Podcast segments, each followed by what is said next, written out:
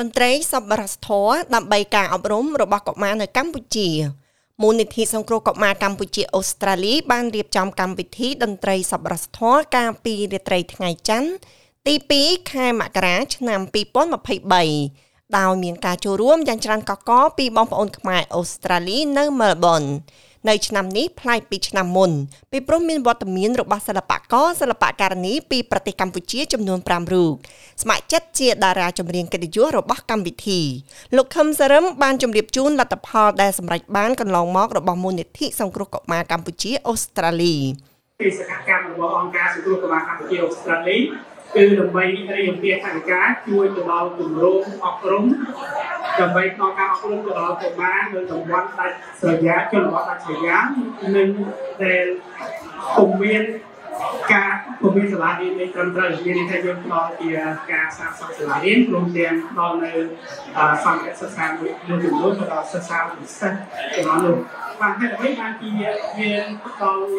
ផ្ដល់សំខាន់ទៅលើការអប់រំដោយសារតែយើងជឿជាក់ថាមានតែការអប់រំទេដែលអាចទៅដល់ភាពក្រីក្រ នៅក្នុងប្រទេសកម្ពុជាយើងមានន័យថានៅពេលដែលគេទទួលបានការអប់រំគេអាចធ្វើការសម្រេចចិត្តត្រឹមត្រូវនៅក្នុងការប្រកបអាជីពមួយដ៏ត្រឹមត្រូវនិងខ្លាយទៅជាពលរដ្ឋល្អទាំងអស់គ្នានៅក្នុងសង្គមព្រមទាំងរួមចំណែកលើកកម្ពស់ជីវភាពគ្រួសារក៏ដូចជាជីវភាពរបស់ខ្លួនគេផ្ទាល់ផងដែរ អ្នកឧបត្ថម្ភនិងអ្នកចូលរួមក្នុងកម្មវិធីនេះមានចិត្តសប្បាយរីករាយនិងពេញចិត្តក្នុងការឧបត្ថម្ភគ្រប់គ្រងកម្មវិធីនេះឲ្យកើតមានឡើងពីព្រោះពួកគេបានឃើញពីសារៈសំខាន់នៃកិច្ចការដែលមូលនិធិបានខិតខំប្រឹងប្រែងបំពេញកន្លងមកដើម្បីប្រយោជន៍នៃការអប់រំរបស់កុមារនៅតំបន់ដាច់ស្រយាលនៃប្រទេសកម្ពុជាបាទក្នុងរាត្រីនេះគឺខ្ញុំសប្បាយចិត្តរីករាយមែនតើដែលបាន បានចូលរួមនៅក្នុងកម្មវិធីនៅក្នុងរាត្រីនេះបាទនេះក៏ដោយសារតែបងស៊ីដាដែលបានផ្ដល់កិត្តិយសឲ្យខ្ញុំបានបានចូលរួមហើយកម្មវិធីនៅក្នុងរាត្រីនេះពិតជាសប្បាយមែនទែនចំពោះខ្ញុំបាទវាខកខានច្រើនឆ្នាំមែនទែនអស់រយៈពេល3ឆ្នាំហើយដែលប្រជាជននៅក្នុងប្រទេសអូស្ត្រាលី lockdown នាងខ្ញុំឈ្មោះឆាងសុគន្ធាហើយនឹងស្វាមីរបស់ខ្ញុំឈ្មោះលោកកបតិនចាហើយថ្ងៃនេះខ្ញុំមានអារម្មណ៍សប្បាយចិត្តរំភើបរីករាយជាទីបំផុតដែលបានចូលរួមក្នុងកម្មវិធីអឺកុមារគម្រាហើយក្នុងនោះដែរខ្ញុំក៏ពេញចិត្តនៅអ្វីដែលពួកគាត់ខំធ្វើគ្រប់បែបយ៉ាងហើយនៅបង្ហាញឲ្យឃើញថាអ្វីដែលគាត់ធ្វើអ្វីដែលគាត់រៀបចំ គឺពិតប្រាកដហើយនឹងច្បាស់លាស់របស់គាត់មែន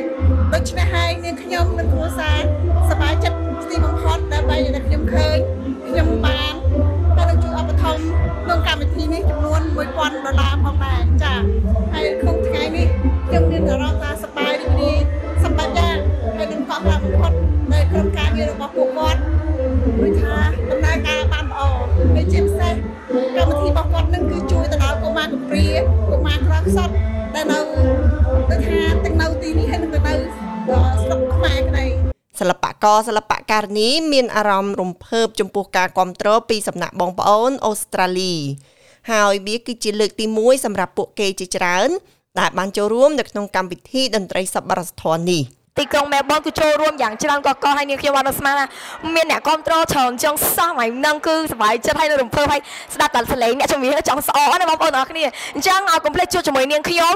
បន្តទៀតគឺនៅទីក្រុងស៊ីដនីនៅថ្ងៃទី7អញ្ចឹងបងប្អូនកុំភ្លេចណាថ្ងៃទី7មករាគឺនៅទីក្រុងស៊ីដនីកុំភ្លេចចូលរួមកក់សបាត់ទាំងអស់គ្នាចាអ្នកខ្ញុំធីយន្ធាចាកសូមរំកាយចាគោរពជម្រាបសួរចាអ្នកខ្ញុំថ្ងៃនេះគឺថាកសូមថ្លែងអំណរគុណចាពុកម៉ែបងប្អូនដែលនៅម៉ៃបិនចា ចាខ្ញុំសង្ឃឹមថាថ្ងៃទី7ចាពុកម៉ែបងប្អូននឹងជួបរបស់ក្រុមខ្ញុំទៀតចាគេនៅស៊ីដនីចាចាចឹងសូមគោរពអញ្ជើញពុកម៉ែបងប្អូនចាចូលរួមចារំលែកកំសាន្តចាឲ្យបានច្រើនកកចាដើម្បីជួយដល់មូលនិធិចាសង្គ្រោះកុមារកម្ពុជាផងដែរចាបាទខ្ញុំបាទជម្រាបសួរហើយក៏ដូចជាអរគុណដល់ពុកម៉ែបងប្អូន ដែលនៅមែបិននេះទាំងអស់ដែលបានមកចូលរួមគ្រប់គ្រងថ្ងៃនេះផងដែរខ្ញុំពិតជាមានសេចក្តីសោមនស្សរីករាយមែនទែនដែលពុកម៉ែបងប្អូនមកចូលរួមបាទមនុស្សធម៌ក៏ដូចជាជួយដល់កុមារនៅកម្ពុជាគឺថាចូលរួមយ៉ាងច្រើនកកមែនតែនដែលពុកម៉ែបងប្អូននៅម៉ាបិននេះហើយក៏ជាបន្តថ្ងៃទី